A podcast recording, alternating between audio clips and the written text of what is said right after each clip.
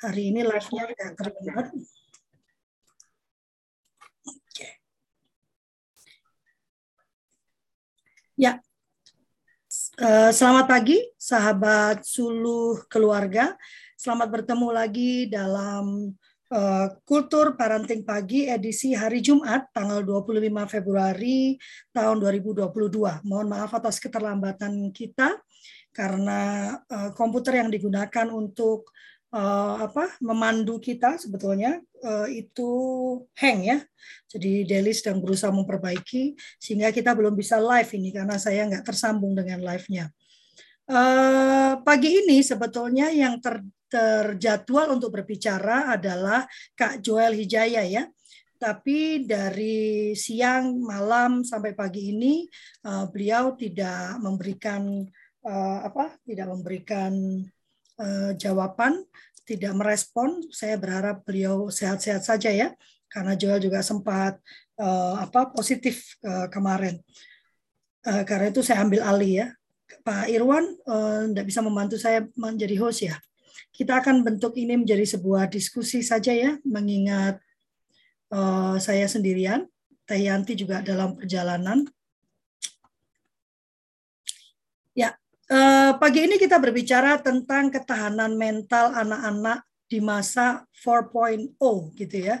Uh, dan karena memang bukan uh, bukan saya yang harusnya membawakan, saya ingin uh, poking mind aja ya, menyampaikan ini secara umum gitu. Apakah memang memang anak-anak kita ini ah ini Deli sudah masuk lagi.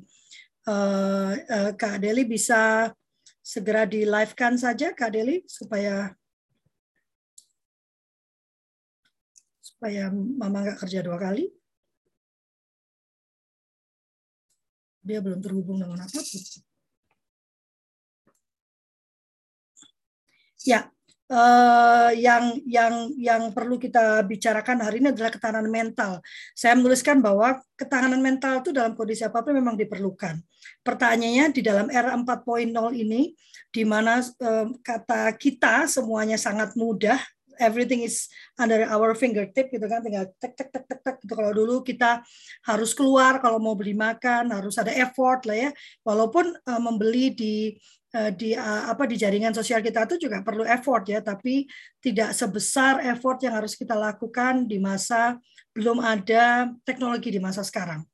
Belum lagi cara-cara konvensional yang kita ketahui untuk uh, apa untuk um, menimbulkan ketahanan itu sudah dianggap tidak bisa dilakukan lagi karena melanggar uh, hak-hak anak yang sudah ditentukan ya.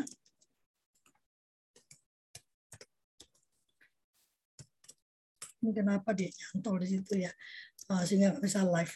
Nah, uh, apa sih uh, ketahanan itu atau perseverance itu saya coba cari apa sebetulnya ketahanan itu. Ketahanan itu ternyata yang dikatakan adalah ketahanan untuk melakukan sesuatu meski menghadapi kesulitan atau penundaan dalam pencapaian kesuksesan.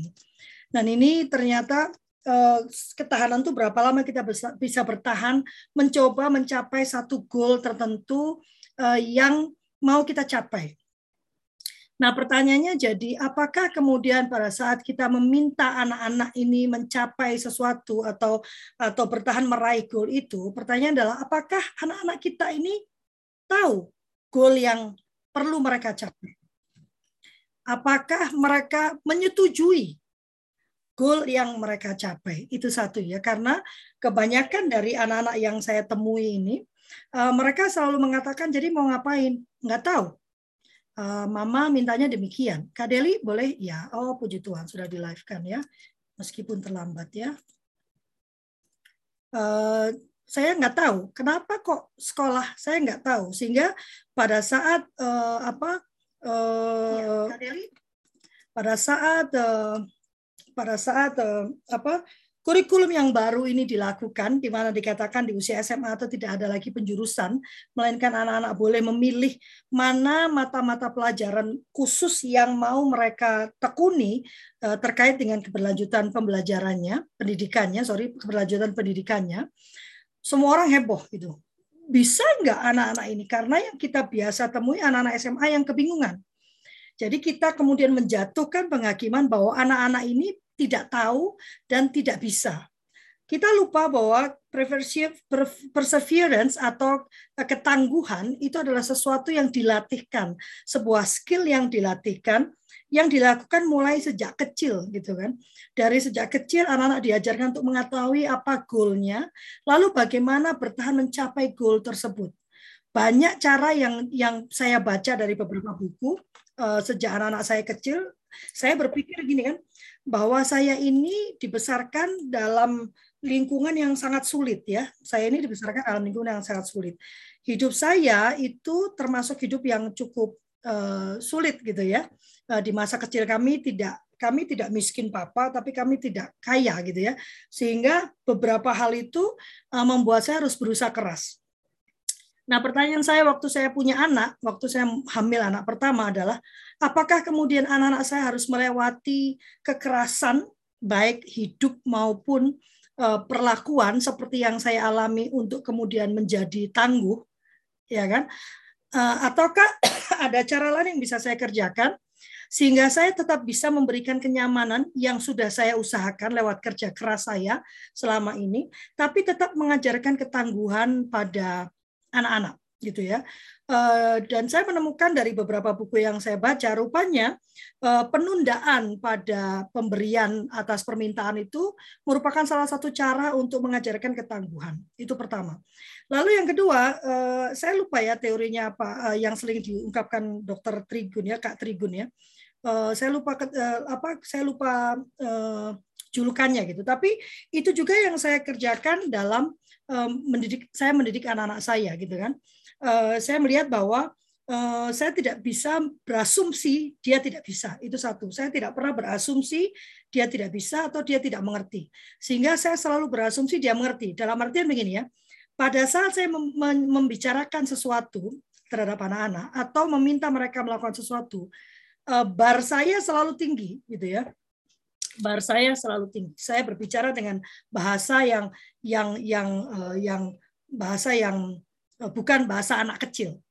Tapi pada saat mata mereka lalu melotot tidak mengerti, maka pelan-pelan saya turunkan bar saya sampai ke titik mereka uh, paham. Ya, kalau kita diskusi misalnya, ya, kita harus pergi ke rumah Yangti, gitu ya. Uh, dan bagi anak saya itu pergi ke rumah uh, orang itu karena mereka uh, cukup uh, apa berkebutuhan khusus sehingga mereka punya apa punya uh, masalah sendiri untuk bertemu dengan orang-orang yang tidak mereka kenal atau apa atau lingkungan yang tidak mereka kenal maka perlu diskusi yang panjang untuk membawa mereka ke rumah nenek atau ke rumah siapa pun ya. Dan diskusi itu saya kata iya karena kita perlu bertemu dengan Yangti uh, untuk uh, apa? Untuk karena ada acara keluarga, jadi perlu diskusi, perlu ketemu dengan Yanti. Nanti mereka kan nggak harus datang gitu ya. Kalau kemudian pembicaraan itu terlalu tinggi untuk mereka, saya turunkan pemahamannya. Kangen nggak sama Yanti? Yang di enggak. Oh karena orang kan gitu ya anak-anak ya. Enggak gitu kan. Enggak kangen enggak pengen ketemu gitu ya. Diturunkan lagi pemahamannya. Ya tapi kan yang kangen bahwa kan kadang-kadang kita mesti juga dong kalau yang kangen kan perlu datang ke sana ya. Lagian di sana nanti ada tante ini ada tante lalu kami berkompromi. Oke gini deh. Supaya enggak kan kan nanti capek di sana. Oke mama di sana kita ada di sana selama dua jam. Ya dari jam 11 sampai jam 1 kita makan siang setelah itu kita pulang ya nanti lalu kita ber, uh, ber, berdiskusi ya. Aduh dua jam lama banget mah gitu. Tapi nanti di sana pun akan ada gini mau masih belum mau pulang. Katanya mau dua jam gitu ya. Karena kalau sudah diputuskan ya perlu dilakukan dengan tingkat toleransi yang uh, misalnya oke oke 30 menit lagi deh. Karena kita kemarin kita sudah bersepakat kita dua jam saja gitu ya. Dan sering kali itu bermasalah dengan orang-orang di sekitar saya karena terkesan uh, saya sama sekali tidak mau uh, dalam tanda kutip saya seperti tidak punya kuasa atas anak-anak saya gitu ya. Karena tidak bisa memaksakan apa yang saya mau kepada anak-anak saya. Sementara dalam dalam konteks saya saya melihat bahwa apabila saya memaksakan kehendak saya maka di kemudian hari di dalam hidup mereka akan ada sosok yang juga memaksakan kehendaknya. Dan jelas saya tidak mau itu gitu ya. Maka uh, yang saya kerjakan dalam dalam hubungan dengan anak-anak saya dalam melatih ketahanannya adalah mendiskusikan uh, mengapa apa goalnya gitu kan? Apa kemudian uh, halangan yang mungkin mereka alami? Apa yang mungkin uh, di, di, di, ditemui pada waktu melakukan itu? Dan bagaimana kemudian saya bisa membantu mereka untuk menyelesaikan halangan-halangan tersebut gitu ya. Tapi kadang-kadang dalam pembelajaran ketahanan kita itu atau ketangguhan kita, kita kadang menjadi keras kepala gitu ya, tidak mau melihat bahwa sebetulnya bukan ini yang Tuhan mau, bukan ini jalan yang yang sudah disediakan untuk kita. Itu sebabnya banyak kesulitan yang kita hadapi, maka uh, mengalihkan uh, energi ke usaha yang lain itu tidak dianggap sebagai satu hal yang menyerah gitu. Uh, dalam konteks saya sering kali saya bertahan dalam satu satu hal yang saya lakukan karena saya tidak mau menyerah. Sementara sebetulnya ada hal yang tipis antara menyerah dengan kita um, mengikuti uh, apa uh, aluran Tuhan gitu kan bahwa bukan ini sebetulnya yang dia mau dikerjakan tapi hal lain gitu. Tapi dalam usaha kita untuk menjadi uh, tangguh uh, kita lupa ada ada proses itu dan itu saya saya saya uh, saya sadari pada waktu anak-anak itu mulai mendewasa karena banyak sekali benturan saya hadapi. Saya lupa, saya pikir saya lupa mengajarkan uh, kerendahan hati untuk mengatakan bahwa oh ternyata yang saya pilih ini keliru gitu ya. Bukan ini yang harusnya saya lakukan tapi uh, hal yang lain gitu ya. Uh, sehingga saya perlu um, uh, mengaku bahwa saya salah dan perlu mengalihkan ke usaha yang lain. Nah, terkait dengan masa yang saat sekarang, menurut saya di masa anak saya kecil, saya kecil, sebetulnya sama. Bedanya adalah di masa sekarang pengetahuan kita seharusnya lebih banyak gitu. Ada banyak sumber pengetahuan pembelajaran yang bisa kita gunakan supaya kita bisa memahami apa yang sedang dialami oleh anak-anak kita. Eh, eh, seperti apa kehidupan yang sedang mereka alami, tubuh mereka dan juga pola pikir mereka sehingga kita bisa menerapkan pembelajaran ketangguhan ini atau perseverance atau adversity equation ini pada anak sesuai dengan tahapan pertumbuhannya. Kalau dokter Kak Trigun itu selalu mengatakan ada tiga ruang ya, ada tiga ada tiga eh, bidang dalam kehidupan tuh. Saya rasa bukan hanya pada anak ya. Yang pertama adalah bidang yang nyaman, di mana kita bisa melakukannya effortless tanpa usaha yang berarti. Lalu ada bidang kedua yang kita perlu bantuan, jadi kita perlu usaha yang lebih keras untuk bisa melakukan ini. Ada bidang ketiga yang memang tidak bisa kita kerjakan.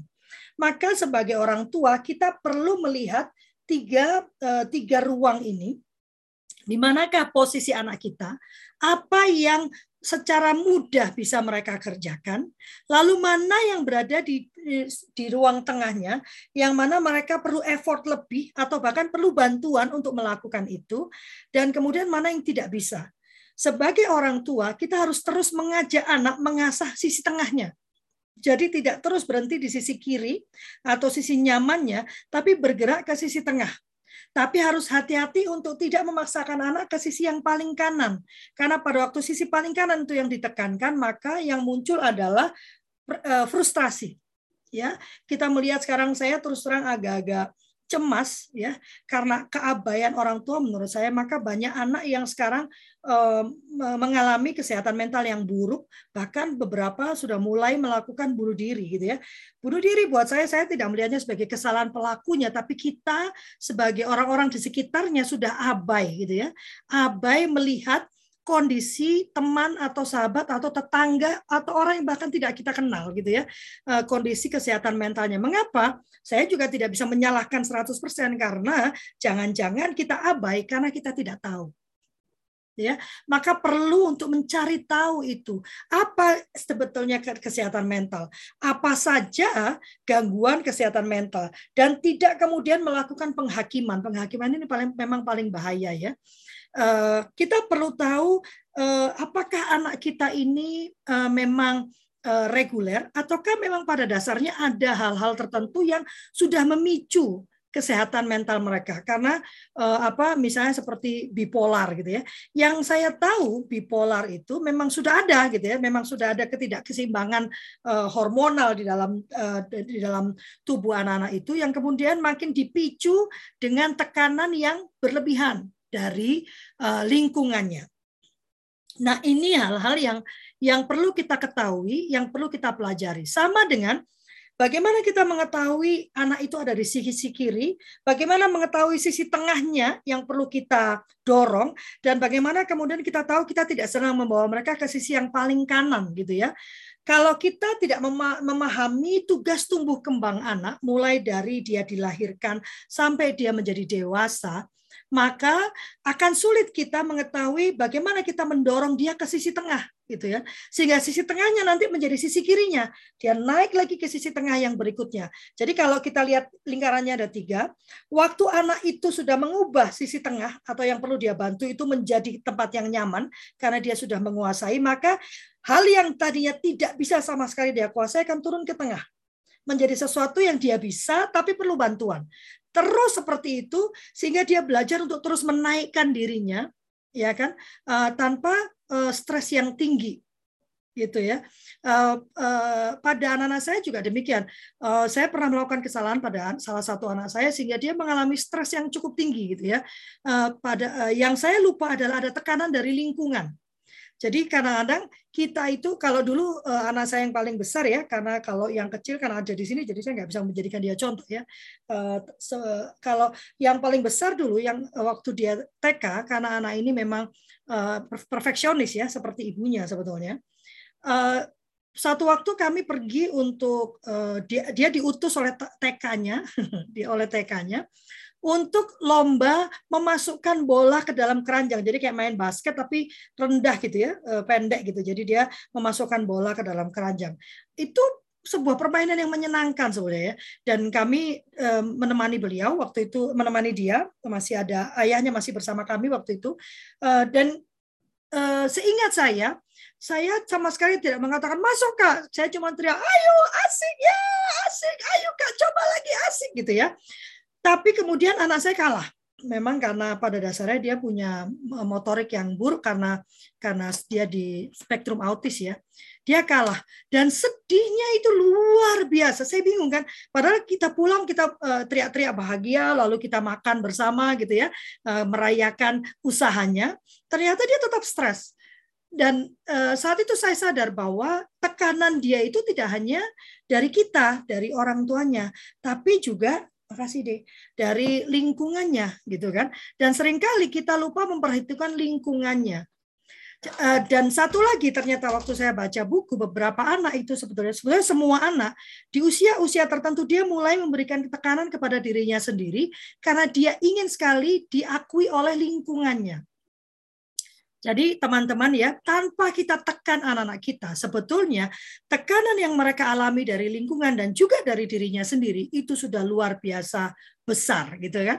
Maka saya makin percaya bahwa orang tua itu harusnya menjadi menjadi uh, tempat yang aman bagi anak untuk beristirahat gitu ya. Rumah itu adalah tempat yang aman bagi anak untuk beristirahat. Alih-alih uh, menjadi salah satu tempat di mana dia juga harus apa berjuang keras dan membuktikan dirinya terus menerus gitu ya. Itu yang saya kerjakan. Apakah kemudian uh, menjadi malas anak-anak? Ternyata di luar pun mereka punya daya saing yang cukup besar. Saya masih bergumul dengan anak saya yang kedua ya karena dari kecil dia memang uh, tidak pernah membandingkan dirinya dengan anak lain. Di usia yang sangat muda dia bisa bisa berkata kalau ada orang yang bilang dede itu kak itu tuh si itu udah bisa bahasa Inggris loh deh. Kok dede nggak bisa jawaban dia Uh, terus apa hubungannya? Kalau dia bisa bahasa Inggris kan bagus, it's good for him dong, gitu kan? Selamat untuk dia. Terus apa hubungannya dengan saya, gitu kan? Dan jawaban dia itu uh, meng, uh, uh, apa ya, menyadarkan saya bahwa goal tiap anak itu berbeda maka yang perlu diajarkan pada anak adalah goal dia apa, apa yang ingin dia capai, gitu kan? Dan itu bisa jadi diskusi yang berulang gitu eh, setiap tahun atau setiap eh, tiga tahun sekali atau bahkan setiap tiga bulan enam bulan ya kita bisa diskusi lagi dengan anak. Apakah ada mimpi baru yang ingin dia capai? Apa yang bisa kita kerjakan? Karena tugas kita itu memfasilitasi anak untuk belajar. Bagaimana dengan anak yang sudah dewasa yang sudah uh, kita melihatnya daya daya apa ketangguhannya itu rendah. Uh, bukan dihukum, bukan dikerasi, bukan dipukul, bukan dihajar, bukan diapakan ya. Tetapi memang uh, waktu saya uh, ini satu lagi ya, waktu saya membaca tentang allowance misalnya atau uang saku gitu ya, ternyata uang saku itu juga ada perhitungannya, ada ada ada rumusnya gitu. Kita tidak memberikan uang uh, sebanyak yang kita mau uh, sehingga anak itu mengalami kesulitan misalnya karena uang itu tidak cukup atau bahkan uang itu menjadi sangat berlebihan gitu ya. Jadi tidak ada effort lagi yang perlu dia kerjakan karena semua sudah tersedia. Ternyata waktu memberikan uang saku pun kita harus diskusi dengan anak. Sebetulnya kebutuhan dia itu apa? Kebutuhan yang terlepas dari apa yang sudah kita sediakan. Makan sudah ada di rumah ya. Uh, snack itu karena anak-anak saya punya banyak sekali uh, apa uh, alergi waktu itu waktu kecil maka snack itu saya sediakan di rumah. Ya mereka sudah tahu ini yang yang yang aman untuk mereka konsumsi karena karena apa karena alerginya dan mana yang tidak boleh mereka konsumsi dalam kondisi-kondisi tertentu. Ya, eh, bagi saya beruntung karena anak-anak saya itu ada di spektrum autis ya, sehingga anak-anak ini, ini kan eh, melihat melihat eh, aturan itu hitam putih ya. Kalau anak-anak spektrum autis ini kan dia taunya aturan tuh harus di harus dipatuhi, bukan untuk ditentang gitu ya. Kalau kita ini kan ada aturan kita ingin sekali menentang gitu. Kalau anak-anak ini kan aturan yang sudah dia sepakati itu uh, tidak boleh ditentang. Maka dia juga kesulitan memahami orang-orang yang kemudian uh, melawan aturan tersebut, ya padahal sudah disepakati bersama, gitu ya. Nah, uh, kemudian kita menghitung berapa uang yang mereka butuhkan dan diberi kelebihan sedikit supaya mereka punya opsi untuk menabung. Jadi ada orang tua yang kalau anaknya butuhnya 50 ribu sehari, ya udah dikasihnya 50 ribu gitu. Atau katanya 45 ribu, biar 5 ribunya nyari. Ternyata menurut teori itu tidak demikian. Yang kita berikan adalah 45 ribu tambah 5 ribu, 50 ribu jadinya. Eh, 50 ribu tambah 5 ribu, misalnya 55 ribu katanya. Supaya ada opsi 5 ribunya itu ditabungkan dan juga dia tahu ada namanya emergency fund gitu ya. Ada uang yang kalau tiba-tiba terjadi sesuatu ini bisa dimanfaatkan gitu kan. Dan kemudian yang paling penting juga anak-anak melaporkan pemanfaatan dana tersebut. Jadi seminggu sekali anak-anak menyerahkan kepada saya uh, uang yang sudah diberikan itu dipakai untuk apa saja gitu ya. Bahkan nanti kalau mereka merasa kurang, mereka boleh mengajukan. Jadi di rumah dulu kayak perusahaan ya, mereka mengajukan proposal pengajuan penambahan uang saku dan kami berdiskusi, kenapa perlu 10 ribu lagi? Kenapa? Ini kan sudah dilakukan di rumah. Apa yang terjadi? Misalnya mereka bilang, iya sih, memang sudah sediakan makan di rumah, tapi nggak enak, aku nggak suka. Oh oke, okay. jadi apa yang kamu suka? Jadi tidak ada kata, ya nggak bisa, adanya itu makan. Kalau nggak makan ya udah silakan aja gitu ya. Tapi ada juga kala di mana saya tidak memberikan opsi pada mereka untuk makan di luar. Jadi saya eh, mengajarkan pada mereka apa yang ada di rumah yaitu yang kita yang kita nikmati. Tapi sebelum itu saya sudah menanyakan hari ini mau makan apa ya besok mau makan apa? Hari ini mau makan apa? Apa yang ingin kamu coba? Dan kita juga harus paham ya waktu masakan kita ternyata gagal dan gak enak ya jangan maksa anak untuk makan. Sementara kita ke kantor terus makan di luar gitu ya. Tapi setelah disepakati makanan itu dan ternyata uh, uh, bisa dimakan atau enak gitu ya maka tidak ada opsi anak itu bisa makan di luar gitu kan karena sudah disepakati bersama. Dan hal-hal ini rupanya membuat mereka belajar untuk uh, uh, dulu Deli ya uh, karena dia memang hobi jajan anak saya satu ini ya. Uh, kemudian uh, saya katakan pada Deli Dede kalau Mama harus membayar uang karena saya ibu tunggal ya untuk masak kemudian Mama tetap harus menyediakan uang untuk Deli makan di luar maka itu double deh. Mama tidak sanggup Uh, uh, tapi aku nggak suka. Kakak tuh kalau masak apa yang dia mau aja.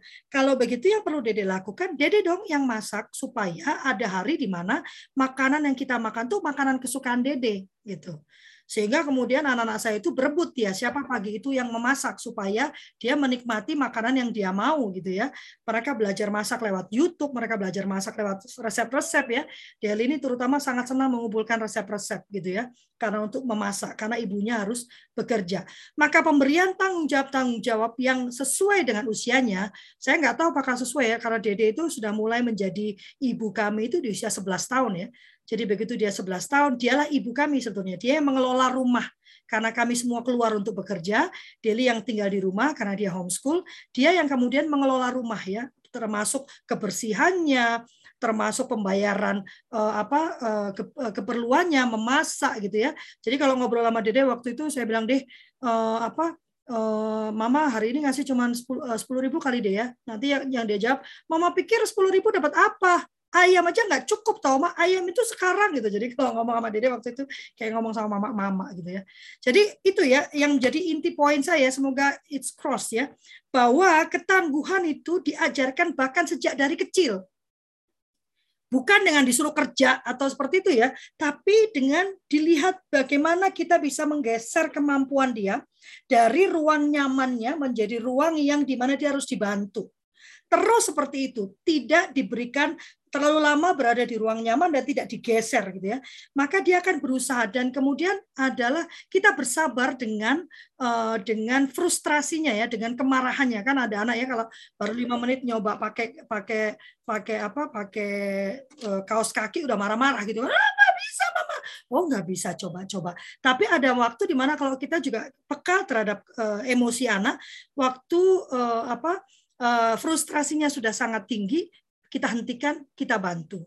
Yang paling penting menurut saya dalam usaha dia mencoba hal yang baru, bahwa dia tahu ibunya ada atau orang tuanya ada, bapak dan ibunya ada untuk uh, uh, mengasihi dan memberi support ya bukan untuk mengambil alih pekerjaan dia tapi memberi support gitu ya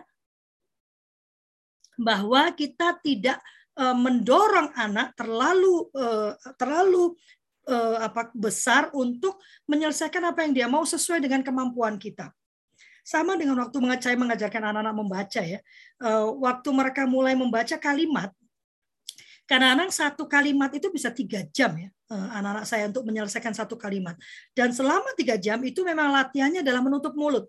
Bahkan pada saat dewasa sekarang ya, kadang-kadang tindakan yang dia ambil saya saya sudah punya pengalaman dan tahu mau ke mana arahnya gitu kan uh, tapi saya perlu sekali untuk menahan mulut saya membiarkan dia uh, belajar dari langkah-langkah itu. Menariknya, anak-anak saya itu kemudian sering kali datang ke saya dengan alasan karena mama lebih tua. Jadi mama punya pengalaman tentang apa yang mau saya lakukan. Jadi saya bisa menarik dari pengalaman mama, gitu kan. Walaupun nggak semuanya itu bisa saya terapkan, gitu ya. Jadi yang pertama adalah um, uh, apa mengetahui tumbuh kembang anak. Ya, sehingga kita bisa tahu di mana lingkaran nyamannya, di mana lingkaran kurang nyamannya, dan di mana lingkaran yang tidak boleh kita sentuh dulu karena dia sangat kesulitan, ya, belum sesuai dengan tumbuh kembangnya saat itu. Yang kedua adalah bersabar dengan tahapan tahapan keterampilannya tidak uh, tidak kemudian mengambil alih dan tidak membandingkannya dengan kecepatan anak-anak yang lain karena setiap anak punya kecepatannya masing-masing. Yang ketiga ini yang paling penting adalah menyertakan anak dalam setiap diskusi tentang tujuan ya dan juga setiap diskusi tentang proses pencapaian.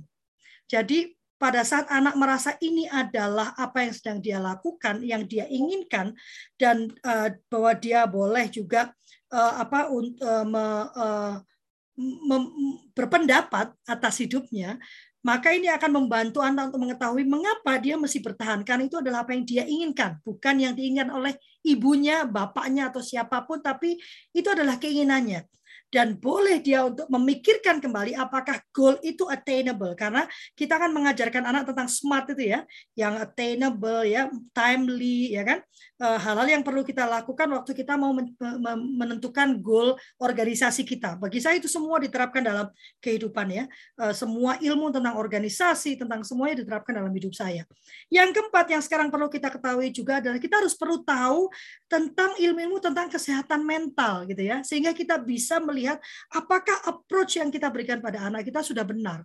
Pada anak yang memang memiliki gangguan uh, dalam hormonalnya atau dalam uh, apa uh, uh, kimia di dalam otaknya, uh, memberikan tekanan-tekanan yang berlebihan itu malah akan mendorong mereka ke dalam kondisi yang makin buruk gitu. Jadi mengetahui ilmu-ilmu dasar tentang bipolar, skizofreni gitu ya, segala macam sindrom-sindrom itu itu perlu untuk kita bukan mencurigai anak, tapi kita bisa mengamati anak kita, mendeteksinya dengan sangat dini, membawanya pada orang yang lebih ahli dan bisa menemani mereka untuk bisa hidup dengan eh, apa dengan penuh potensi. Saya nggak mau menyebut kata normal ya, tapi dengan penuh potensi. Saya rasa itu ya saya mau membuka tanya jawab apabila ada teman-teman yang ingin bertanya gitu atau ingin curhat atau ingin membagikan pengalamannya uh, terkait dengan uh, menemani anak menjadi uh, mandiri-mandiri yang tangguh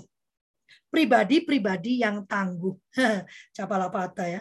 Ini karena benar-benar hari ini on top of our my mind aja ya. Saya tidak menyiapkan menyiapkan satu apa satu materi khusus. Ini hanya apa yang terpikir sama saya berdasarkan pengalaman saya.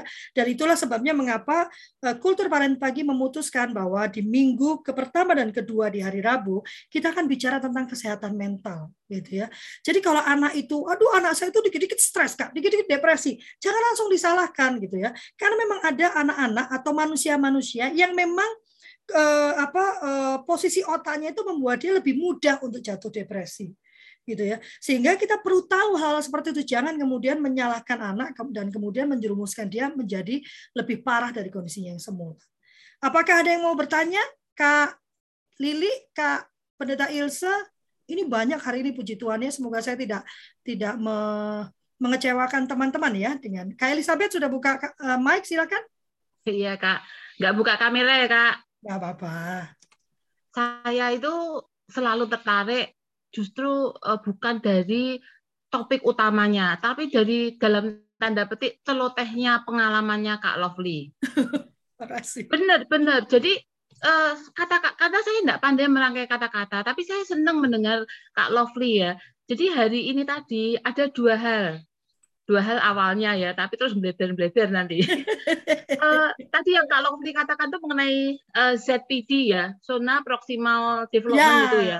Ya, ya itu benar.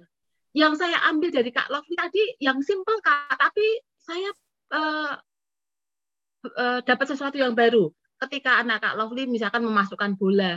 Jadi kata-kata itu sangat mempengaruhi anak. Biasanya kan tadi Kak Lovely bilang ya biasanya ayo masukkan. Ternyata hari ini saya diingatkan benar. Cari lihat yang positif yang dia bisa lakukan. Misalkan, wah tendanganmu kuat ya, gitu wah asik ya wah tadi saya hmm. seneng wah ya eh gitu. uh, sesuatu yang bagus yang anak lakukan wah keseimbanganmu sudah bagus ternyata kamu bisa merentangkan tangan dengan ini ya walaupun dia masih jatuh itu akan saya praktekkan Kak Lovely terima kasih iya, kemudian ya yang kedua itu itu loh menanyakan anak tentang goalnya ini loh ini hal yang baru Kak, gini soalnya Kak Lovely, kalau dengan anak sendiri, kita kan satu sama satu gitu ya, anak sendiri. Ya. Tapi kalau saya dengan anak-anak itu kan, maaf ya, saya terlalu general gitu loh. Ya. Ini kan uh, apa ya, menemeleng lah.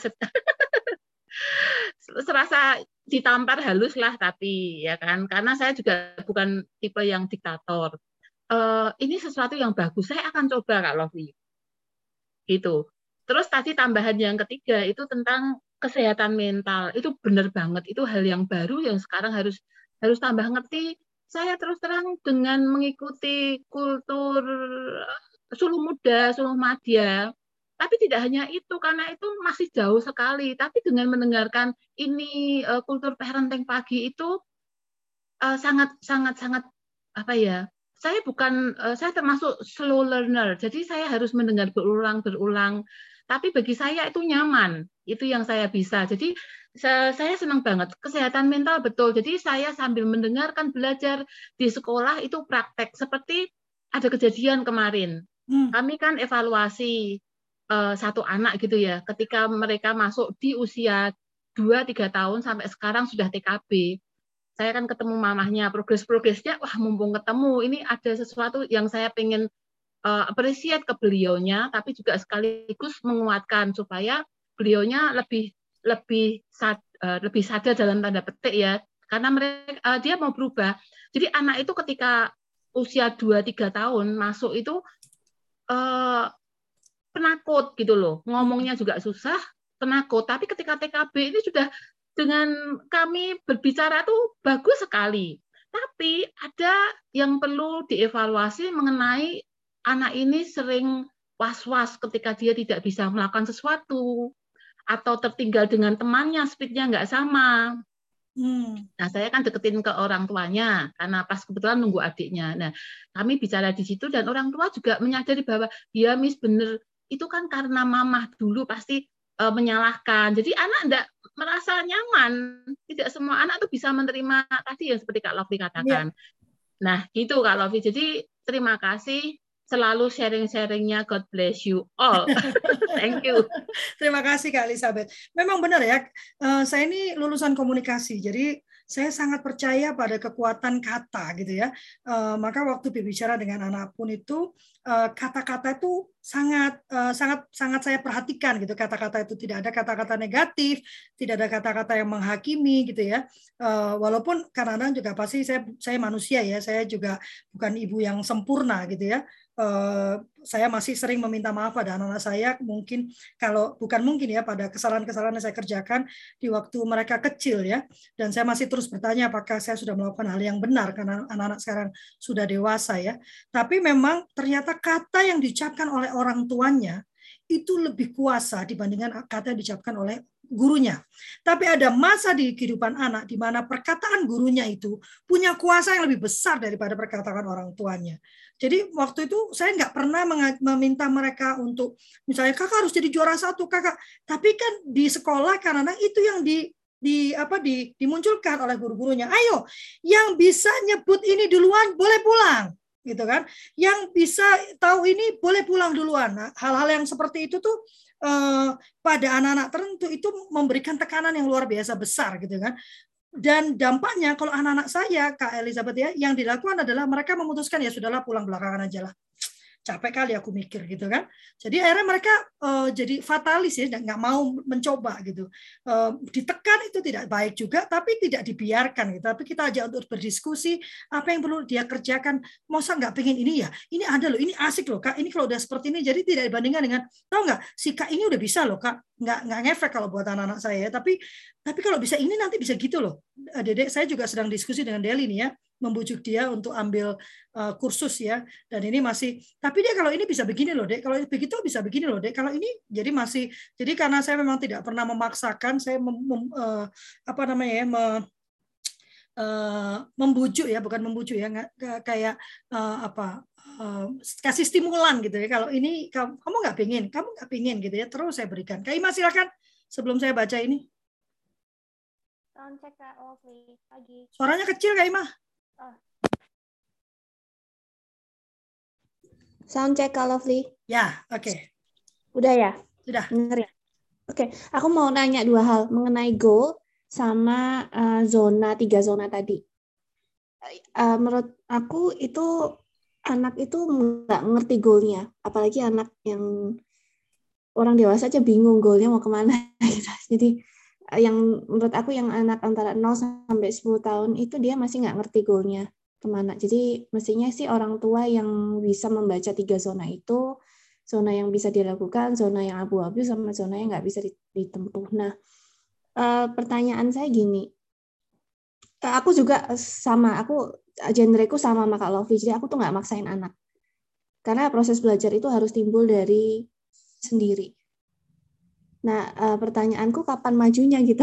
Jadi misalnya gini gini, uh, jadi anakku itu kalau sayangnya, aku kenapa sih aku bilang sayangnya? Jadi itu masih umur 6 tahun dan sudah uh, mengikuti Zoom kelas yang menurut saya itu nggak efektif sih kalau untuk anak PAUD ya Zoom kelas. Jadi dia itu berusaha untuk saya tinggalkan, tetapi sering menangis gitu ya Kak Lovely ya.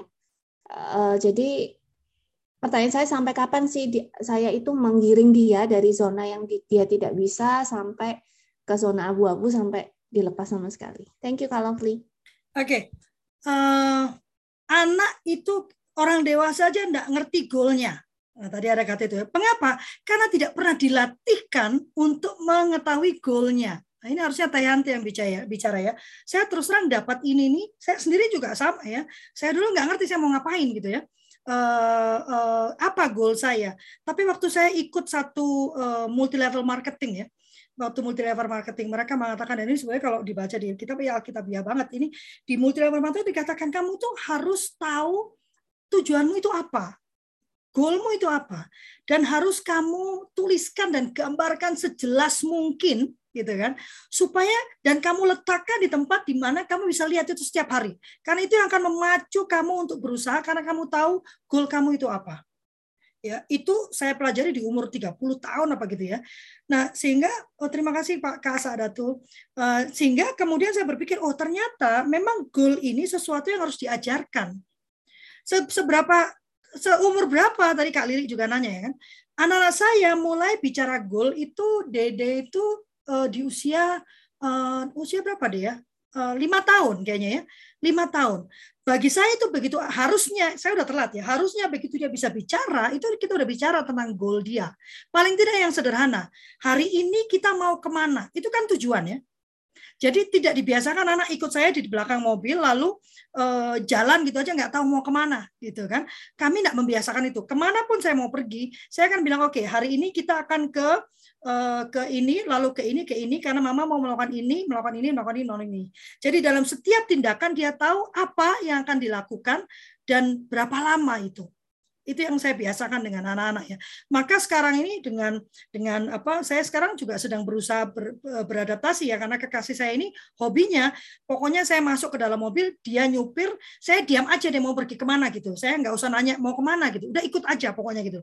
Sementara saya nggak terbiasa dengan hal itu. Dengan anak-anak saya selalu bilang oke okay, uh, begitu masuk uh, mau ikut mama nggak? Mau ke mana mah? Jadi mama mau ke sini ya mama mau bicarakan ini paling sekian lama lalu mama akan ke sini kira-kira sekian lama. Setelah itu mama ke sini lalu boleh kita ini. Tapi kita pengen makan mah oke berarti kita mama ke sini dulu. Nggak jadi satu jam setengah mungkin satu jam aja. Lalu kita pindah kita mau makan apa? Karena mama akan ke satu titik ini gitu ya. Makan apa di daerah situ? Jadi sampai sedetail itu kalau kita mau pergi. Supaya anak-anak itu tahu bahwa setiap langkah dia itu ada perencanaannya. Dia mau melakukan apa? Apa tujuannya ya kan? Lalu kira-kira obstacle apa yang akan dia hadapi? Aku rasa Kak Kak, eh, Kak Ima bisa melakukan itu mulai sekarang gitu. Ya kan? Dan sehingga Zoom meetingnya itu hanya menjadi bagian dari kehidupannya. Termasuk bagian dari kehidupan Kak Ima gitu ya. Karena saya adalah pelaku homeschooling tunggal, maka dan saya tetap mencari uang ya maka penjadwalan itulah kenapa saya selalu berkata penjadwalan itu penting. Penjadwalan itu memberikan anak a sense of direction juga a sense of time gitu kan? Tapi juga membuat hidup kita lebih bisa termanage gitu. Karena kita tahu jam-jam mana dan anak-anak tahu jam-jam mana ibunya bisa diganggu. Karena saya tetap harus cari uang dan cari uang saya tidak bisa keluar. Karena kalau saya keluar anak-anak saya nggak ada yang ngurusin. Maka saya mencari uang dengan menerjemahkan di dalam rumah. Jadi penting sekali untuk anak-anak itu diam kan untuk tidak ribut gitu ya maka setiap pagi yang kami lakukan itu kami membandingkan jadwal. Jadi hari ini kakak mau ngapain? Kakak mau ngerjain ini, ma ini jam sekian, mau ini jam ini, eh, dede mau ini, ini, ini. Tapi ma, aku tuh perlu mama bantu aku di jam ini nih, soalnya ini. Waduh, oke. Okay. Padahal mama harus mengerjakan film ini, harus selesai di jam ini. Oke, okay, berarti mama kerja lebih pagi ya. Kalian uh, makannya ini aja ya, karena mama harus cepet-cepet. Oke, mah. Jadi akhirnya itu yang terjadi gitu ya. Eh, walaupun waktu itu bapaknya masih menjadi bagian dari dari dalam dalam keluarga kita gitu ya. Uh, tapi bapaknya kan pergi pagi-pagi udah nggak ada gitu ya. Tetap aja alur sehari-hari kan tetap dengan dengan saya ya bertiga gitu kan. Maka penjadwalan itu menjadi masuk akal. Uh, kalau anak itu masih ikut zoom di satuan pendidikan gitu kan jadwalnya sudah tetap itu yang perlu kita diskusikan dengan anak. Enaknya homeschooling tunggal itu saya tidak perlu ikut jadwal siapa pun. Kami memakai jadwal kami sendiri dengan goal kami sendiri. Jadi anak-anak sejak dari uh, Deli enam tahun ya Deli sudah diajarkan, oke okay, Deli, eh, untuk menjadi kelas 1, itu ini yang harus diselesaikan, Dede. Nah, Dede mau menyelesaikan yang mana dulu? Dia cuma tahu satu, nggak apa-apa. Nanti berarti setiap bulan kita diskusi lagi, gitu. Jadi tidak mengambil alih kan dia nggak tahu terus kapan majunya. Di situlah majunya. Satu minggu selesai. Kita diskusi lagi dedek. Ternyata selesai. Satu minggu luar biasa dedek ya. Jadi kita mau ngerjain apa lagi? Kalau cuma satu bukannya bosen dek? Kan kamu cuma satu akhirnya habis itu bingung mau ngapain ya dek? Main melulu juga nggak asik ya dek ya. Tapi kalau dedek kerjakan tiga dek ini bisa selesai lebih cepat loh dek. Ini bisa. Nah seperti itu ya.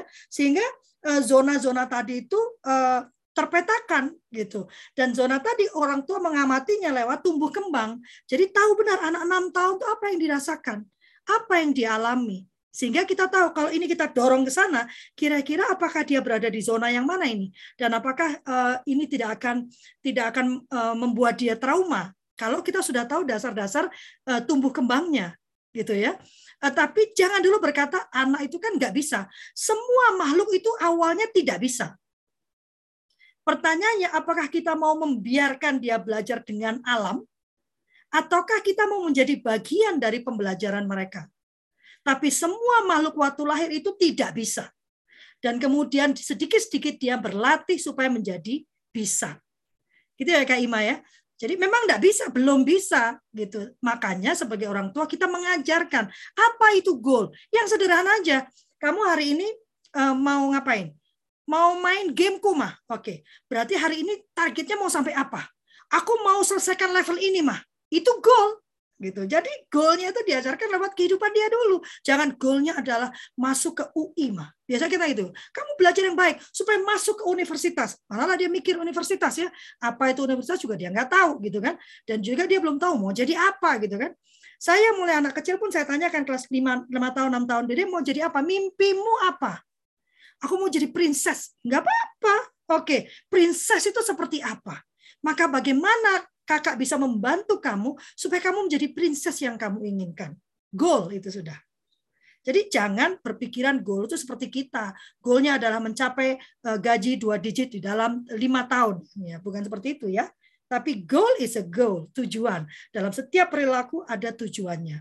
Dan uh, Kak Elizabeth sebelum saya lupa, goal itu memang tugas orang tua sebetulnya Kak Elizabeth. Maka uh, Kak Elizabeth perlu menyertakan orang tua untuk mulai berdiskusi dengan anak tentang goal-goal mereka. Kalau dengan guru ya sulit ya karena uh, satu kelas kan isinya banyak ya. Nggak, nggak masuk akal kalau menurut saya kalau mau bebankan itu pada guru. Bukan Kak Lovely. Bukan hmm. begitu. Itu kita bisa bagi macam-macam toh. Seperti barusan yang Kak Lovely ceritakan. Hmm. Goal itu bisa yang yang sederhana, yang sedang, yang tinggi. Jadi bisa goalmu hari ini bisa, tapi biasanya uh, kami memakai membiasakan kata merencanakan. Agak sama endingnya, tapi ada sesuatu yang berbeda, berbeda antara goal dan perencanaan. Yes. Betul enggak? Yes. Jadi biasanya tiap hari kami akan tanya, kamu hari ini rencanakan mau main di tiga tempat mana saja, misalkan yeah. seperti itu, Yes, yes. Ditambahkan nanti mau main di situ, apa yang kamu mau lakukan? Kenapa kok mau main itu? Karena kemarin tuh ya kak, aku tuh mau masang itu bu guru nggak bisa bisa. Jadi aku masih pengen nyoba. Oh oke, okay. berarti goalmu adalah bisa memasangkan itu dengan waktu yang lebih cepat. Iya, oke, okay. itu goal gitu ya. Lalu bagaimana rencananya? Aku mau nyoba dulu, nanti kalau nggak bisa, jadi tolong ya nanti dihitung ya waktuku, aku mau cepat lebih cepat lagi. Itu proses perencanaan proses. Nah, jadi kita sendiri juga mesti paham goal kita apa, lalu rencana untuk mencapai itu apa. Mungkin nggak kalau Friana masih kecil? Oh, sangat mungkin. Dalam konteks yang kehidupan dia dulu ya, jangan seperti kita, jangan terus mikir goal dan perencanaan perusahaan gitu ya. Tapi goal dan perencanaan menurut saya itu adalah bagian dalam kehidupan kita sehari-hari. Harusnya Teh Yanti bisa menyampaikan sesuatu tapi Teh lagi di perjalanan. Gitu ya Kak Ima ya. Jadi sudah terjawab ya Kak Lili juga ya. Nah ini ada pertanyaan dari Kak Yanti Mahmudi ya. Kalau Fri mau tanya bagaimana cara memberikan penjelasan pada anak yang sudah dewasa biar tidak dia tidak merasa dimarahi. Terima kasih atas penjelasannya. Nomor satu, anak yang sudah dewasa itu tidak suka dijelaskan ya. Karena penjelasan itu seperti menuduh menghakimi seolah dia tuh nggak ngerti apa-apa gitu ya. Maka bukan dijelaskan tapi diajak berdiskusi berangkat. Jadi kalau dalam komunikasi itu ya kalau kita mau meyakinkan seseorang kita harus berangkat dari kepentingan orang yang mau kita yakinkan bukan dari sudut pandang kita sendiri. Itu kan ilmu komunikasinya ya. Maka waktu kita mau meyakinkan anak kita itu bukan bicara tentang uh, apa tentang kepentingan kita gitu kan. Bukan bicara tentang sudut pandang kita tapi berangkat dari sudut pandang dia. Uh, saya bingung mau menjelaskan apa ya. Saya kasih saya kasih contoh misalnya ya. Um, uh, diskusi yang sudah saya lakukan dengan dengan apa uh, dengan uh, uh, Dede misalnya ya. Dede Mama minta izin ya. Uh, karena Dede itu waktu uh, tumbuh dia memutuskan bahwa ijazah itu tidak penting ya sayangnya lingkungan dia sebelum ini itu merendahkan dia karena ijazahnya tidak ada bukan karena uh, keterampilan dia ya uh, saya sendiri termasuk orang yang berpendapat ijazah itu uh, sampingan karena itu adalah hak. Jadi boleh diambil oleh anak, boleh tidak diambil oleh anak. Tapi yang paling penting bagi saya adalah keterampilannya untuk hidup dan menjalankan penghidupannya, gitu kan. Nah, Dede kemudian mengambil kesimpulan bahwa dia harus mengambil paket, gitu ya, karena itu yang membuat dia bisa dihargai. Kesimpulan yang masih keliru, tapi itu kesimpulan atas pengalaman dia. Jadi ya saya ikuti gitu ya. Lalu kemudian saya ajak dia bicara Dede, kalau kamu mau ngambil paket-paket, coba lihat berapa lama waktu yang kamu perlukan untuk menyelesaikan paketnya aja. Karena ada aturan pemerintah, nggak boleh dalam waktu satu tahun menyelesaikan tiga paket walaupun dia bisa gitu ya. Eh, dan ini yang sedang saya advokasi juga gitu kan. Berikutnya Dede mau kuliah, berapa lama? Walaupun uh, sudah kerja pun saya sendiri pun sedang kuliah saat ini itu boleh-boleh saja. Tapi menunggu uh, Dede berkarya sampai selesai kuliah karena Dede merasa itu akan dihormati orang uh, itu akan memakan waktu yang sangat lama. Apa bagaimana kalau kita mencoba yang lainnya? Oke kita jalankan itu juga tapi Dede mencari sebetulnya passion kamu itu apa?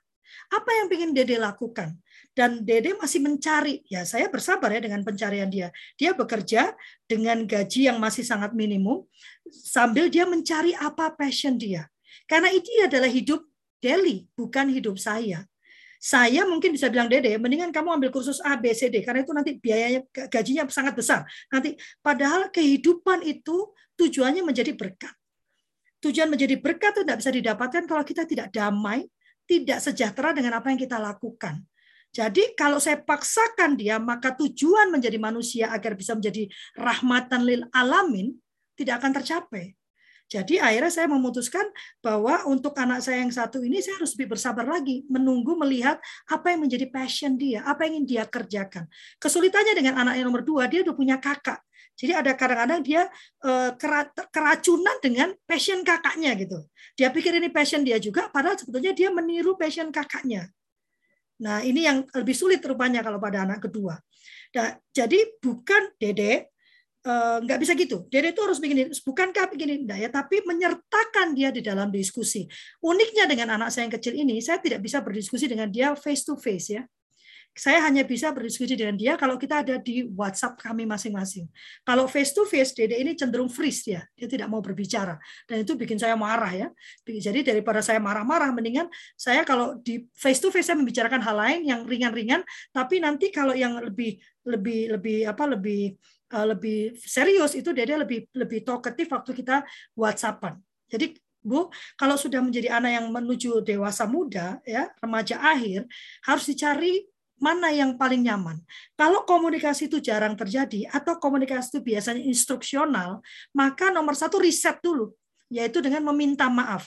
Kakak, mama sadar ya, ternyata mama itu selama ini kalau ngomong sama kakak tuh instruksional banget ya, nyebelin banget ya ternyata mama ini ya. Aduh ya, tiap kali ketemu sama mama akhirnya nasihat-nasihat kayak kultum aja ya kak ya. Aduh mama minta maaf ya kak ya, mama tahu itu keliru, ternyata kak mama baru ikut pelatihan, ternyata tuh keliru kak. Jadi mama minta maaf ya, kalau boleh mama mau ulang jadi yang baru. Uh, uh, kalau mama masih sering jatuh-jatuh ya mama minta maaf ya, mama berusaha berubah dan konsisten dengan perubahan tersebut.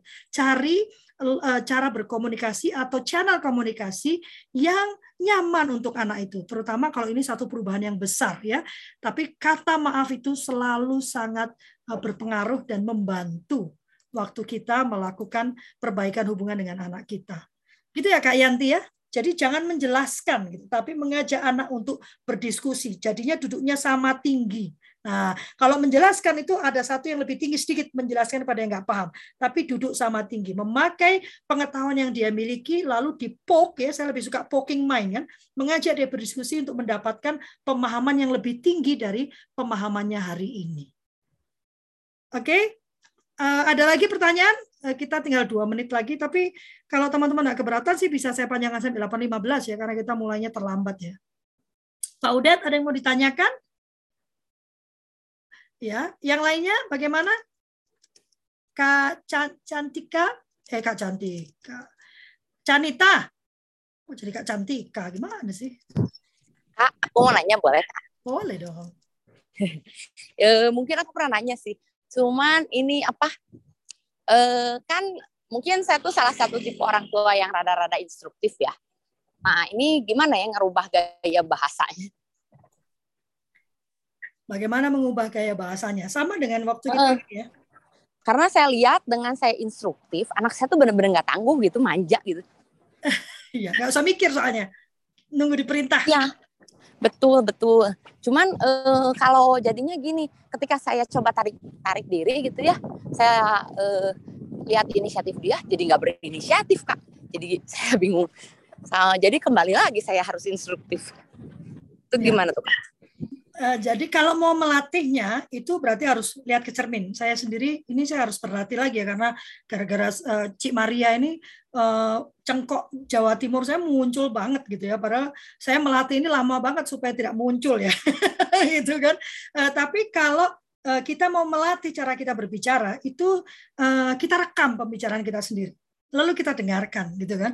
Apakah masih terkesan instruktif gitu kan. Kalau enggak Bagaimana mengubahnya? Kita terus saja berusaha berubah. Aduh ya masih instruktif. Berubah lagi, direkam lagi. Aduh masih instruktif. Ya, tapi rekaman untuk kita sendiri ya, bukan untuk menganalisa anak ya.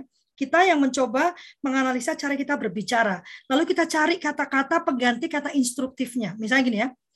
Jangan makan dulu, gitu kan? Uh, diubah. Maunya tetap ngomong jangan makan dulu.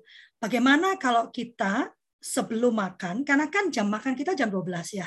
Mama tahu uh, Dedek lapar. Bagaimana kalau kita minum dulu? Ya, uh, kita minum dulu. Ini kan sebentar lagi sampai ya. Terus uh, bagaimana kalau kita tuh baca buku dulu? Ya, supaya waktu itu berlalu cepat. Ini biasanya dulu ya kalau saya mengajarkan anak-anak puasa, ini yang paling ribet ya. Karena uh, waktu mendekati buka kan dia udah mulai gitu ya. Maka saya perlu mengalihkan pikiran mereka dari makan gitu kan. Padahal di jam yang sama saya harus menyiapkan bukanya gitu kan. Yang saya lakukan saya beri dia kegiatan. Jadi bukan tidak boleh makan, tunggu dulu gitu ya. Kata-kata itu dihindari. Tapi mulai gimana kalau kita sekarang main dulu? Ayo, asik kita main di luar yuk. Kita main bola dulu, ayo gitu. Jadi uh, ada pernyataan-pernyataan yang uh, kita gunakan nanti bisa dicari di Google kata-kata uh, yang tidak instruktif ya, mana kata instruktif, mana kata yang tidak instruktif.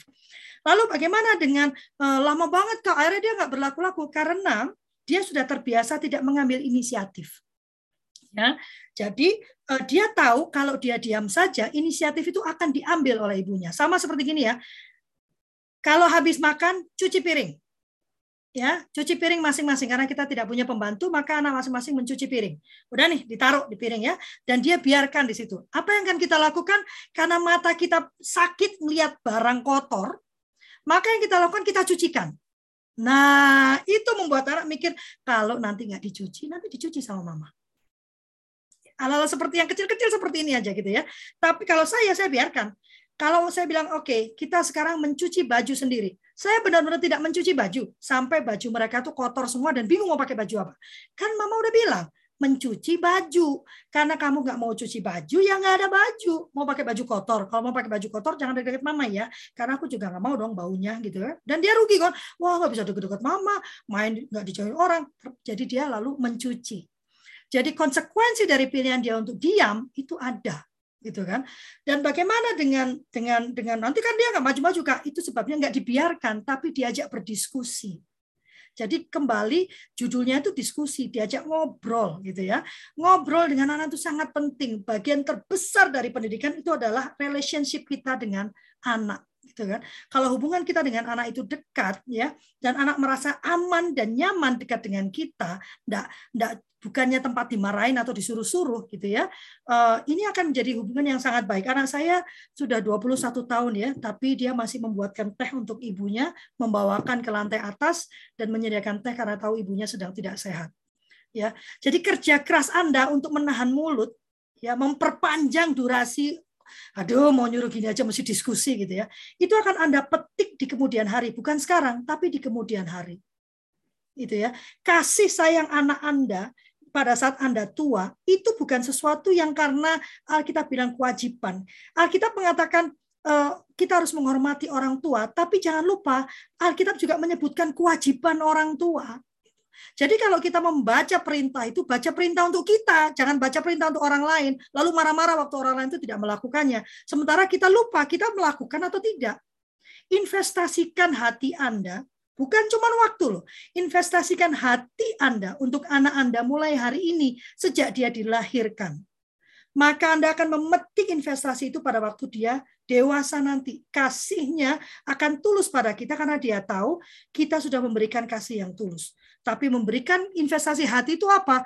Mempelajari apa yang perlu kita pelajari tentang tumbuh kembang anak, tentang kesehatan mentalnya, belajar untuk bersabar. Ini bukan saya, anak ini bukan fotokopi kecil saya, dia adalah makhluk yang berbeda, punya pemikiran yang berbeda, punya kecepatan yang berbeda, dan kita menyadari dan menghormati itu. Gitu ya Kak Susan ya? Iya Kak, thank you Kak. Ya, uh, sudah jam 8 lebih 14 ya. Saya rasa tadi yang saya sampaikan ke Kak Susan sudah merupakan uh, uh, penutup dari saya ya. Saya selalu menyatakan ayo investasikan hati Anda gitu ya. Karena itu yang selalu di uh, kenapa saya berani mengatakan itu sekarang? Uh, karena itu yang selalu disebutkan oleh anak-anak saya. Dia selalu berkata, "Terima kasih Mama, kamu sudah benar-benar menjadi ibu. Terima kasih sudah memberikan semua hidupmu untuk kami." Ya. Dan it, uh, di tengah begitu banyak orang yang menggempur saya dengan pernyataan negatif anak-anak saya selalu berkata apa pun yang dikatakan orang di luar sana dengarkan kami saja ya mama. Dan bagi kami kamu adalah ibu yang luar biasa. Dan bagi kami bagaimanapun kamu kami sangat mencintaimu. Lihat ya dari kita mencintai tanpa syarat anak belajar untuk mencintai tanpa syarat dari kita untuk bisa mema memaafkan dan mengampuni kesalahan-kesalahan, anak juga belajar untuk memaafkan dan mengampuni kesalahan. Saya sering kali melihat itu dari anak-anak saya ya. Saya melakukan kesalahan yang cukup besar, yang dia lakukan cuma, ya mama. Hah, oke lah. So, apa yang harus kita lakukan next? gitu ya. Jadi dia juga belajar untuk oke, okay, enggak perlu ribut tentang kesalahannya, what's next? Gitu ya. Dan itu uh, saya percaya karena sejak kecil saya tidak fokus pada kesalahannya, tapi saya fokus pada what's next. Apa yang mau kita lakukan after this, beyond the mistake, gitu ya. Bagaimana kita bisa bangkit kembali? Ayo menemani anak-anak kita, menginvestasikan hati kita, menemani dia agar dia benar-benar menjadi manusia. Tugas kita tuh membawa anak menjadi manusia yang menjadi berkat, menjadi rahmat, untuk alam semestanya. Terima kasih banyak. Kita mau buka kamera untuk difoto dulu ya. Tadi mencapai 25 orang loh. Kak, Kak Irwan ada yang mau disampaikan? Kak Irwan? Ya, Lengkap ya. sekali. ya udah cuma satu aja be yourself itu kan uh, Kak Gafri jadi jadikan jadikan mereka juga sesuai dengan jati dirinya kita membantu, mem, kalaupun membantu kan membantu memfasilitasi untuk uh, setiap kita ini menemukan jati dirinya. Itu aja kalau terima kasih. Yes, menemukan dirinya. Wah, luar biasa. Yuk kita foto dulu. Uh, keluarkan hatimu. Hai Katia. Tadi pada Ilse mau tanya terus di, nggak jadi itu tadi. Waktunya udah nggak cukup, cuman mau sharing sebenarnya oh. tapi cocok apa yang diomong. Oh, puji ya, nggak apa-apa, nanti lain kali. Siap. Sharing aja, kayak mau bicara tentang goal, goal yang itu kan hari-hari. Saya punya pengalaman yang akhirnya berantakan sampai nggak karuan untuk menentukan mengarahkan goal anak saya baru sadar setelah dia lulus SMA. Ush, mati-matian saya. Tapi maksudnya saya mau berbagi itu. Tapi nggak apa-apa, nanti lain kali. Ya, nanti pendeta pendeta boleh jadi narasumber dong, kan teman-teman yang dari rumah dia sudah bisa menjadi narasumber, ayo dong. Ayo ya. kita pasang hatinya, kita foto dulu Kak Deli. Kak Ima kau udah di mana? Oh di rumah ya. Aku udah hafal latar belakang Kak Ima. ayo silakan Kak Deli difoto. Mama, ya? Mama hatinya belum muncul kok. Oh, kartu belum muncul. Oke. Silakan. Sudah ya. Oke, terima kasih banyak ya teman-teman terus terang memang uh, waktu awal-awal kultur parenting jalan lagi saya agak-agak uh, ini ya agak down ya karena pesertanya jadi cuma 10 gitu ya. Tapi uh, seminggu ini wow luar biasa ya mencapai 25 orang, 30 orang. Ayo mari kita sebarkan terus saya rasa ilmu parenting ini makin penting ya dan pandemi ini mengingatkan kita. Ayo Pak Udet, ayo bantu kami mengingatkan pemerintah bahwa peran orang tua itu tidak hanya bicara tentang biaya SPP ya Kak Paudet ya. Eh, kita perlu mengingatkan pemerintah terkait rancangan undang-undang sisdiknasnya ya, bahwa peran orang tua itu tidak hanya bicara tentang bayar SPP loh, peran orang tua itu sangat luar biasa besar. Kalau tidak maka pendidikan itu tidak akan bisa tercapai. Tujuan pendidikan itu tidak akan bisa tercapai. Anda mau bicara karakter karena orang tuanya tidak menyadari dan tidak paham bagaimana menerapkan karakter, maka sekolah tidak akan mampu memberikan karakter baik pada anak ya karena waktunya tidak cukup. Terima kasih banyak atas nama kami berlima. Kami mengucapkan terima kasih dan memohon maaf yang sebesar-besarnya apabila ada pernyataan perkataan gestur yang kurang berkenan. Kami tidak ingin uh, menghina, merendahkan, menghakimi ataupun menggurui. Kami hanya ingin membagikan apa yang menjadi keyakinan kami dan apa yang kami kerjakan dalam kehidupan kami sehari-hari. Ayo kita punya pelatihan disleksia sebentar lagi akan saya bagikan. Mari juga bergabung dengan Sulu keluarga dengan 150.000 per tahun Anda bisa ikut dan mendapatkan sertifikat dan diskon untuk pelatihan-pelatihan kami. Lumayan loh diskonnya 20%. Terima kasih banyak. Sampai bertemu lagi. Wassalamualaikum warahmatullahi wabarakatuh. Tuhan memberkati. Waalaikumsalam warahmatullahi wabarakatuh. Terima kasih Kak Yani. Terima kasih. Terima kasih Kak Lisa. Terima kasih kalau Dokter saya tunggu ya. Terima kasih. Oh, saya dulu yang WhatsApp ya, lupa. Iya, oke, oke. Kak Irwan, terima kasih. Saya tutup ya. Pak Udet, sampai ketemu lagi Senin. Terima kasih atas ilmunya kalau.